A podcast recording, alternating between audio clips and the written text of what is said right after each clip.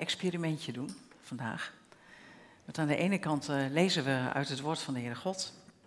En aan de andere kant zien jullie zometeen boven mij verschijnen de tekst in het, uh, in het Engels.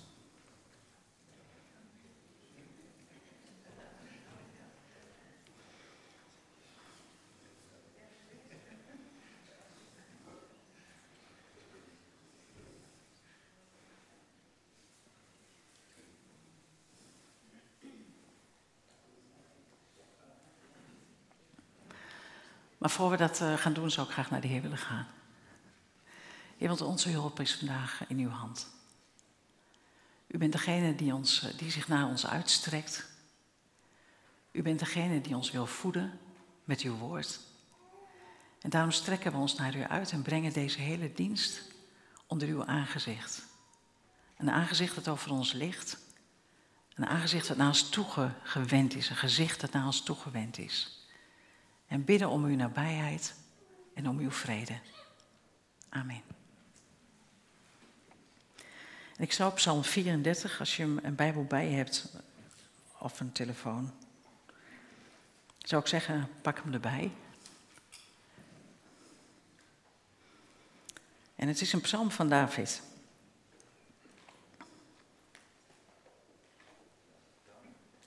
Psalm van David. En eigenlijk sloten de liederen er heel erg mooi bij aan, dus daar ben ik heel blij om. Het is eh, van David toen hij zich aan de hof van Abimelech, dat is een Filistijnse koning, als een krankzinnige voordeed en pas wegging toen deze hem verjoeg. De Heer wil ik prijzen, elk uur van de dag. Mijn mond is altijd vol van zijn lof. Laat mijn leven een loflied zijn voor de Heer. En de nederigen zullen het met vreugde horen. Roem met mij de grootheid van de Heer en sluit u aan om zijn naam te verheffen. Ik zocht de Heer en hij gaf antwoord. En hij heeft me van alle angst bevrijd. Wie naar hem opzien, die stralen van vreugde. Schaamte zal hun gezicht niet kleuren. In mijn verdrukking riep ik tot de Heer, hij heeft geluisterd en mij uit de nood gered. De engel van de Heer waakt over wie hem vrezen en bevrijdt hun. Proef en geniet de goedheid van de Heer. Gelukkig de mens die bij hem schuilt. Hé vromen, heb ontzag voor de Heer, want wie hem vreest lijdt geen gebrek. Jonge leeuwen lopen hongerig rond maar wie de Heer zoekt, ontbreekt het aan niks. Kom kinderen, luister naar mij. Ik leer je ontzag voor de Heer. Hebben jullie het leven lief? In het Engels, do you have lust for life? Hebben jullie het leven lief? Wil je de goede jaren genieten? Behoed dan je tong voor het kwaad. Je lippen voor woorden van bedrog. Mijd het kwade en doe wat goed is. Streef naar vrede en jaag die na. Het oog van de Heer rust op de rechtvaardige. Zijn oor luistert naar je hulpgeroep. Toornig ziet de Heer wie kwaad doen aan en hij wist hun namen van de aarde uit.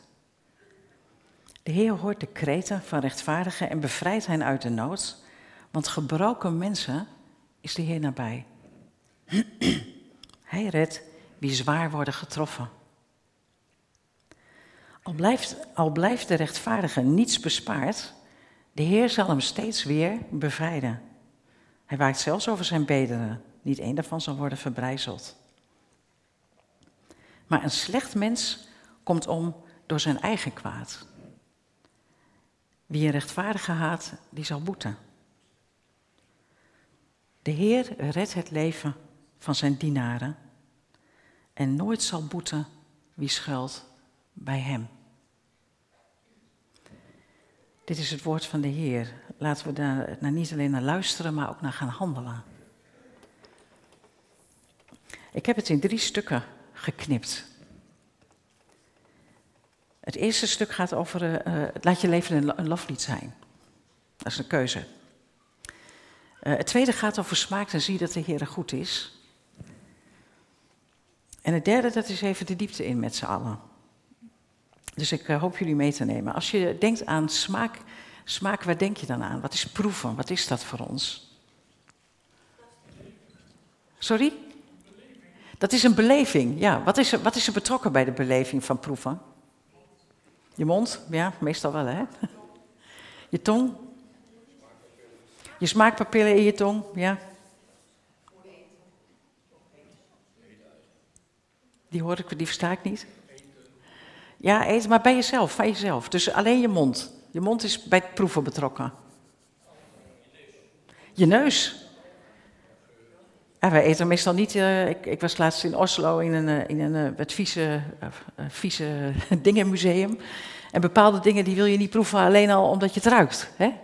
Dus proeven heeft ook met je, met je geur te maken, met je neus te maken. En nog meer? Met je ogen. Joh, hij at haar op met zijn ogen, zeggen we. dat bedoelen we niet letterlijk. Maar blijkbaar raakt dat wel iets. Hè? Dus eigenlijk als je erover nadenkt, dan raakt proeven aan alles. Aan je zicht, je geur. Uh, ik vind het zelf fijn, ik weet niet of jullie die knetterijsjes uh, kennen.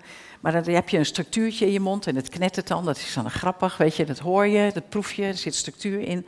Dus eigenlijk word je als mens in zijn geheel geraakt als je gaat proeven. Dat heeft dan als inleiding.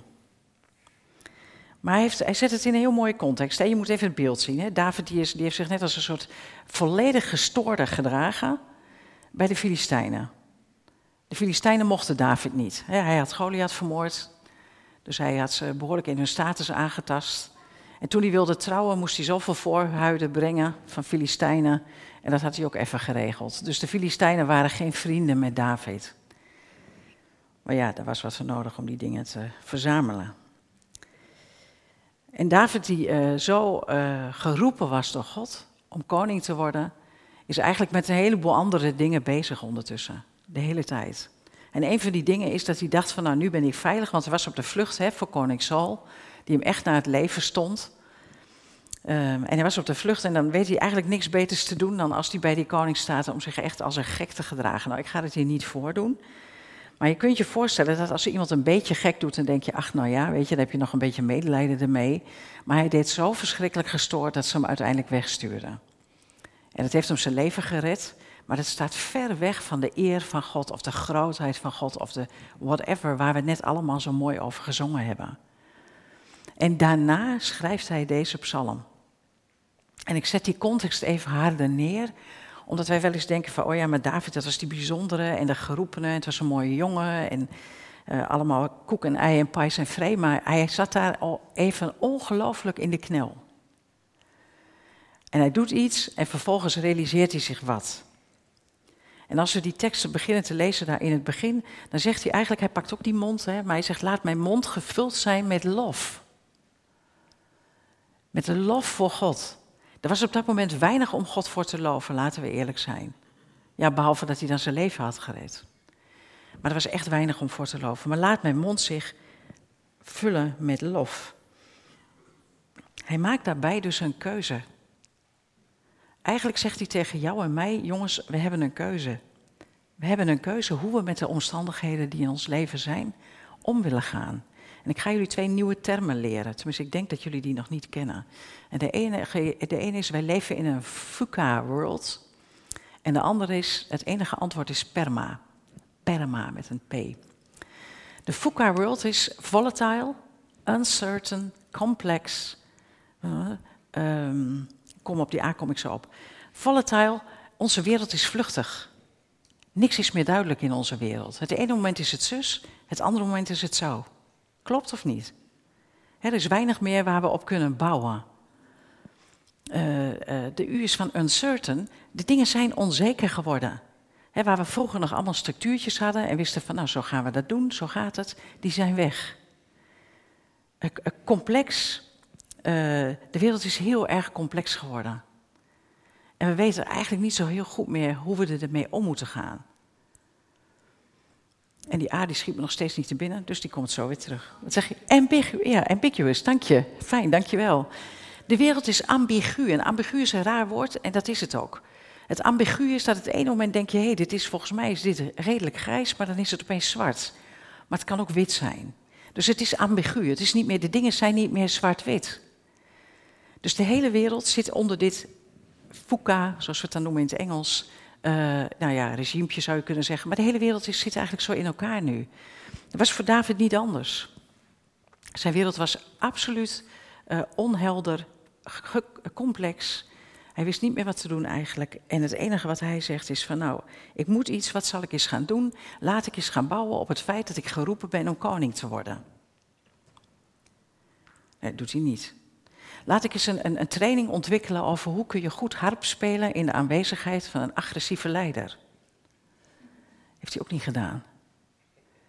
hij heeft zich ook niet voor uh, uh, laten staan op het feit dat hij eigenlijk een, een, een, een excellente herder was in alle omstandigheden. Maar nadat hij zich als een waanzinnige gedragen heeft, heeft hij eigenlijk nog maar één antwoord. En dat is, mijn antwoord is, zegt hij, ik ga niet uh, bevriezen, ik ga niet vechten, ik ga niet vluchten, maar ik ga me richten op de enige die in die FUCA-world altijd permanent blijft, en dat is God. Uh, de wereld kijkt daar anders tegenaan. Hè. Die zeggen, het is, we moeten perma handelen. En perma, dat uh, staat dan voor positieve energie, hè, positive energy. Dus laten we vooral positief zijn met elkaar. Het staat voor engagement, hè, dat je samen betrokken bent. Het staat voor investeren in relationships, in relaties. En het heeft meaning, het is zinvol. En je wil accomplishments, hè, je wilt doelen halen, je wilt dingen bereiken met elkaar. Daarom denk ik dat heel veel mensen het in de kerk niet kennen, dit begrip. Maar eigenlijk is dat precies wat we aan het doen zijn.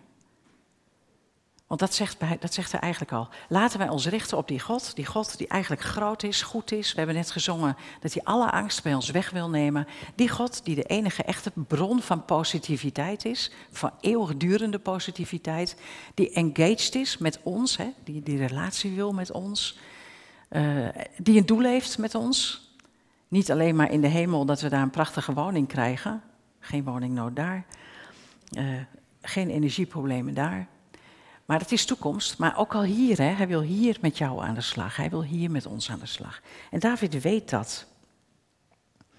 En David die zegt eigenlijk, en dit is ook niet iets wat ik in mijn eentje moet doen, want in je eentje de Heer prijzen, dat is fantastisch. Ik vind het heerlijk.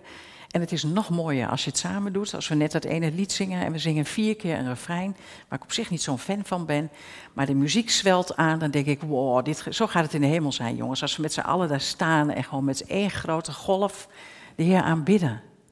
En Paulus zegt als een halve zool, maar dat hadden wij moeten doen. Dat had ik moeten doen. Doe dat met mij mee. Laten we ons daarop richten.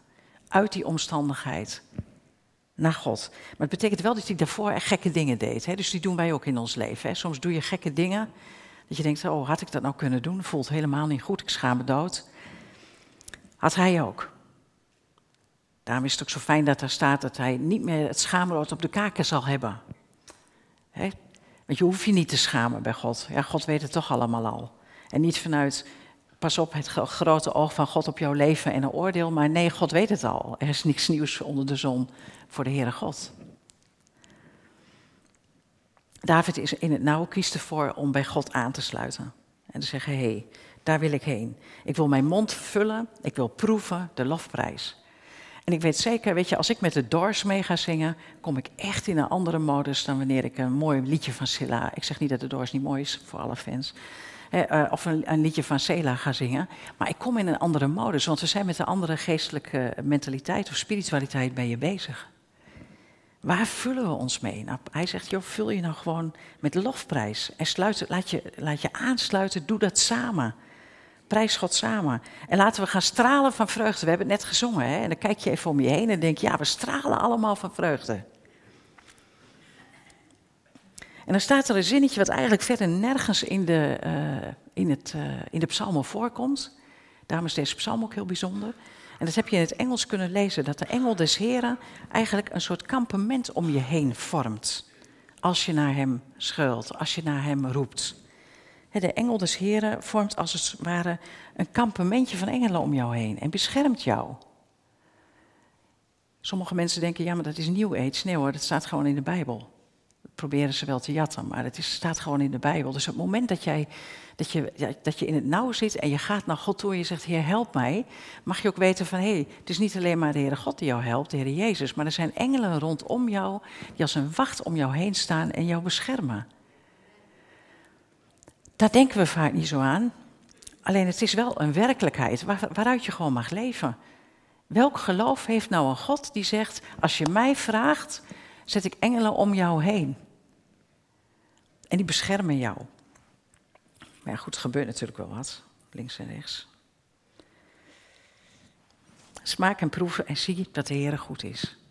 Het is smaken, het is proeven. Het is eigenlijk met je hele wezen op God gericht willen zijn. En dat kan gewoon niet oppervlakkig, joh. Dan raak je het ook kwijt. En als we het hebben over smaakjes, wat zijn dan de smaken die we hebben? Zoet, zout, zuur, bitter. Ja, nou die laatste nog. Hartig, umami. Komt vanuit Japanse vijfde smaak. En, een goed, en een goed gerecht, waar bestaat dat uit? Uit welke smaken bestaat dat? Als je een heel mooie dis maakt voor een gezelschap. Wat mag er zeker niet ontbreken? Ja, dat is omdat we het zouden aarde zijn natuurlijk. Hè? Ja, dat snap ik. maar als je met de chefkok praat, dan zegt hij van eigenlijk moeten al die smaken erin zitten. Het moet er eigenlijk allemaal in zitten. Niet in elk gerechtje, maar wel in de verschillende gerechtjes. En dat maakt dan samen een mooie blend. Als, de, David zegt van we moeten smaken en proeven dat de Heer goed is, betekent dat we, als we de Heer proeven, dat, we dat, ook met bitter, dat het met bitterheid te maken heeft. Dat er dingen kunnen zijn in je leven die gewoon heel bitter zijn. Maar dat God daar dan in is. Smaak en proef dat de Heer goed is. Dat het zout kan zijn. En zout kan heel lekker zijn, maar het kan ook te zout zijn, hè? En zoet hebben we ook van alles en nog wat over. Zo kan ik elk smaakje gaan ontleden, ga ik nu niet doen. Maar zoek het maar eens na, het is echt leuk, want al die verschillende smaken doen ook wat met je smaakpapillen, doen echt iets met je lijf, uiteindelijk zelfs met je brein. Joh, dat wisten ze jarenlang niet, maar dat wist God al lang. Die wist al lang. Toen dit geschreven werd, wist hij al, dit gaat uiteindelijk weten de mensheid dat als je iets proeft, dan neem je iets tot je, doet wat met je hersenen, doet wat met je darmen, het doet wat met je zin in het leven. Hij eet elke dag spruitjes. Wat gebeurt er dan met je zin in het leven? Voor mijn moeder zou dat net andersom zijn. Hij eet elke dag rijst. En wat doet dat met jouw zin in het leven? Maar wat we dus tot ons nemen, wat we proeven, dat doet iets met ons. Dat wist God al lang. En hij zegt eigenlijk van, joh, weet je, wat er ook gebeurt in je leven, ga naar mij. Want dat is wel de voorwaarde. Hè? Er staat wel proef en zie dat het Heer goed is. Maar er staat wel op één voorwaarde. Wat is de voorwaarde? Dat we bij hem schuilen. En schuilen doe je niet als je denkt dat je het zelf kan. Ik ga niet schuilen zolang ik denk, ik red dat wel. Ik ga pas schuilen als ik merk, hm, ik red het niet. En dat is wel eigenlijk de plek waar de Heer ons wil hebben, waar, waar David ons wil hebben. Hij zegt, joh, smaak, proef, zie dat de Heer goed is. Als je bij Hem wil schuilen. Dus als je Hem ook Heer van je leven laat zijn. Als je jezelf over durft te geven met alles. Als je niet gaat staan op al die kwaliteiten en competenties van jezelf, maar gewoon heel dicht bij God wil zijn. Nou, so far so good. Daarin zijn we wel mee, denk ik. Maar dan komt die vraag, en in het Engels is het die vraag, ik weet niet, staat die er nog? Run to him. De leeuwen heb ik even overgeslagen, kun je nog heel veel over zeggen. Staat eigenlijk voor jonge mensen. Heel bijzonder. Who out there, vers 12, who out there has a lust for life? Can't wait each day to come upon beauty. Er is ook een band die dat gezongen heeft, Lust for Life. Daar heb ik een hele andere betekenis bij. Maar dit is wel wat uit de Bijbel komt. Do you have a lust for life? En het wordt heel vriendelijk vertaald van heb jij het leven lief, wil je de goede jaren genieten? Wie kan daar nou nee op zeggen? Maar in de praktijk zijn er verschrikkelijk veel mensen die daar eigenlijk toch nee op zeggen. Die zijn maar aldo bezig niet met vandaag de dag. Do you have a lust for life vandaag? Nee, die zijn bezig met ja, maar morgen. Ja, maar als nou mijn rekening straks komt. Als mijn vaste contract nou straks afgelopen is. Joh, Krans, weet je wat voor energierekening ik dat krijg? Ja, dat weet Krans, want die krijgt hem dan ook. Hè, dus, maar ik ben daar dan zo, je kunt er zo druk mee zijn met die toekomst, dat al je energie weg is uit nu. Maar lust for life is hier. Jij gaat niet knuffelen met je man als je eigenlijk bezig bent met dingen uit het verleden. Of met dingen in de toekomst. Je gaat knuffelen met je man of met je vrouw. Je gaat knuffelen als je hier in het hier en nu bent. En dat wordt hier eigenlijk gezegd. Hey, do you have a lust for life? Wil je wat met je leven? Wil je diep genieten? Wil je echt met die God leven? Durf je echt alles aan hem over te geven? En wil je dan vanuit die afhankelijkheidspositie, dat je dus niet meer zelf hoeft te bewerken, het goede in je leven? En je ziet wel, de Engelse vertaling gaat een stuk dieper, vind ik tenminste, dan onze Nederlandse vertaling. Want in de Engelse vertaling komt God ons halverwege, al aan het begin. The Lord meets us halfway. In onze vertaling moeten we nog heel veel zelf doen. Die Engelse vertaling ligt wat dichter bij het Hebreeuws. wil je het leven lief hebben? Wil je je goede jaren genieten? Wil je dat? Nou, ik denk als we nou, we zijn nu wel ongeveer zover dat we dat allemaal wel willen, denk ik toch? Wilt het wel genieten, toch? Ja? Ja? Do we have a lust for life? Ja? Ja? In the back? Do we have a lust for life? Yes? Great. Nou, één voorwaarde. Een kleintje. Je tong. Maar ja, die staat er dan, hè? zo volgt het dan. Die, die lust voor het leven is helemaal, helemaal fijn, maar dan moet je, je je tong onder controle houden. Daar heb ik zo lang over nagedacht, joh. Want ik vond het thema zo mooi, taste, see and enjoy. Ik vond het zo mooi om met de mensen te spreken over hoe groot de, goedheid van de Heer is. En toen kwam ik al die dingen tegen over bitterheid en zout en zuur. Ik dacht, oh, dat is helemaal niet zo'n leuke boodschap eigenlijk. Want dat betekent dat ons ook van alles overkomt. En dat stond een eindje verderop in die psalm ook. Hè. Daarom moet je nooit losse psalmversjes gaan plukken en elkaar mee gaan bemoedigen. Maar pak even die hele tekst. Want een eindje verder staat dat ons ook alles gaat overkomen. We gaan ook allemaal rampen meemaken en toestanden. We gaan echt negatieve dingen meemaken in ons leven. Maar hoe gaan we er dan mee om? En als je besloten hebt van nou, ik ga daarmee om op mijn eigen manier, dan ga je vechten, dan ga je knokken, dan ga je proberen om het onderuit te halen. Je gaat je gelijk proberen te bewijzen. Je gaat jezelf op moeten blazen. Er zijn ook mensen die, die doen het niet. Als het echt rampzalig wordt, dan, dan zijn het net hele lieve konijntjes die in die twee lichten van die auto kijken die op hun afkomt. En dan is het voorbij. En er zijn mensen die vluchten. Maar David zegt, dan moeten we geen van drieën doen. David zegt, joh, wat wij moeten doen is naar God. Echt naar God toe gaan. Echt Hem gaan loven en prijzen vanuit onze tenen. Dat doen we samen, gaan we samen doen. We gaan Hem proeven, gaan we ook zo meteen doen met het avondmaal. Waarom? Omdat Hij degene is die goed is als wij het moeilijk hebben, als we het fijn hebben, als we ziek zijn, als we whatever meemaken, dan is Hij daar. Weet je, dat is eigenlijk de betekenis van als wij zeggen, en dat zeggen we heel makkelijk, hè, ja, God is hier in ons midden.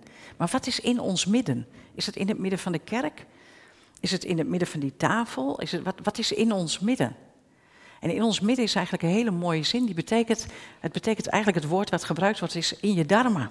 God is in je darmen. God is in je, in je gevoel. Hè? Darmen staan bij het Joods geloof voor het gevoel. Hij is in jouw gevoel. Hij is bij jou als je verdrietig bent. Hij is bij je als je ultiem maximaal blij bent. Hij is bij je als je verbitterd bent of voor wie dan ook. Of of er onrecht wat jou aangedaan is. Hij is bij je als de dingen bij je handen afbreken. Hij is bij jou. Hij is in het midden van je leven. En van daaruit wil hij jou beïnvloeden. Weten we ook nog maar sinds kort dat we dezelfde soort cellen hebben in onze hersenen als in onze darmen. Wist God allemaal al lang, joh. Wist hij allemaal al lang. Ik, word, ik ben daar zo van onder de indruk van de grootheid van God. God seekers are full of God, zegt hij. Als je God zoekt, ben je vol van God. Dan ben je niet meer vol van allerlei dingen die je dwars zitten. Of, uh, uh, ik moet hem eigenlijk andersom doen hè, voor jullie. Uh, uit het verleden of uit de toekomst. Maar dan ben je in het hier en nu met hem. En dan mag je hem zoeken en dan belooft hij dat hij zich laat vinden. En dat in alle omstandigheden hij je die lust voor leven, dat willen genieten, dat hij jou dat gaat geven en dat hij je daarbij gaat helpen. Maar ja, er staat er zo'n zinnetje in dat zelfs je benen niet verbrijzeld zullen worden. Hoeveel mensen hebben hier wel eens iets gebroken? Nou ja, dus je kunt je voorstellen dat er wel mensen zijn die zeggen: Ja, maar wat doe je nou met zo'n tekst dan? want, eh, want ja, er gebeuren wel dingen. Nou, ook die tekst kun je weer niet uit zijn context halen, maar wel weten dat wat er ook gebeurt, God bij jou is en hij je er nooit mee zal laten zitten, als ik het zo mag noemen. Er staat wel, de Heer bevrijdt uit de nood en gebroken mensen is Hij nabij.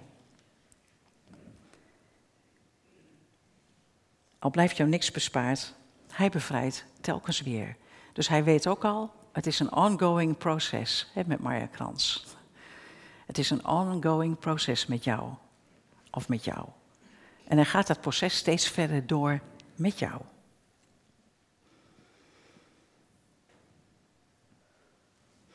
Dus, een keuze. Keuze om niet naar de omstandigheden te kijken. Ja, om dat wel te doen, maar op een positieve manier. Omdat God God is. Dat is echt perma, hè? permanent. Dat doe je niet alleen, dat doe je in verbinding met elkaar, zegt David. En vervolgens gaan we elkaar erop bevragen. En dan moet je soms echt vragen. Soms moet je echt vragen aan iemand die wat ouder is. Joh, geniet je er nog van? Hoe is je leven, joh? Of aan iemand die jong is en denkt van ja, maar wat hebben we nou nog? Die helemaal, helemaal klimaatziek gemaakt zijn door van alles en nog wat. Dat je vraagt van joh, hoe zit je er eigenlijk in? Hebben wij nog een lust for life? En als we dat niet hebben, dan wordt het tijd dat we die weer gaan krijgen. Omdat dat datgene is waarvoor we geroepen zijn. We zijn geroepen tot vrijheid. En vrijheid staat, dat staat ook in de Bijbel, vrijheid is los van angst. Dus zolang jij je nog laat beheersen door de angst en door de zorg. En dan gaan er bij ons ook dingen mis hoor, let wel. Bert weet het. Nu hebben we weer een of andere lekkage omdat het weer iets niet goed is. Maar weet je, en toch blijkt iedere keer weer, het leidt tot iets, tot mooie dingen. Durf je te geloven dat we die tekst die we soms op kaartjes zetten, voor de mensen die nog kaarten sturen aan elkaar, uh, en anders in de mail, hè, dat je durft te geloven dat God alles gaat laten medewerken ten goede voor jou die gelooft. Durf je dat nog te geloven?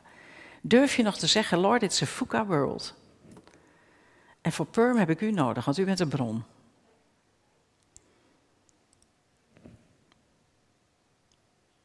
De Heer redt het leven van zijn dienaren. Hij redt jouw leven. Hij redt mijn leven. En we zullen nooit hoeven te boeten. Ik vind het altijd een heerlijke gedachte. Hij redt ons. Ongoing process. En ja, ik denk dat hij voor een deel dit heeft geschreven, maar dat is een interpretatie, dus dat mag je weer naast je neerleggen. In de wetenschap dat hij net zelf een behoorlijke act had opgevoerd. Het was niet echt echt wat hij gedaan had. Dus ook wij mogen weten, ja, weet je, er zullen momenten zijn, dan maak je fouten. En misschien heb je ook wel dingen gedaan in je leven waarvan je denkt van, dat verdiende geen schoonheidsprijs. Dat had ik niet moeten doen. Daar heb ik spijt van. En misschien staat het schaamroodje wel op de kaken. En dan zegt David, dat hoeft niet. Dat hoeft niet. Want we gaan naar God. Hij vult ons. Hij geeft ons de zin in het leven. En hij helpt ons om onze tong onder controle te hebben. En wat is dan die tong onder controle? Wat gaan we er daarmee doen? Daarmee gaan we God weer prijzen.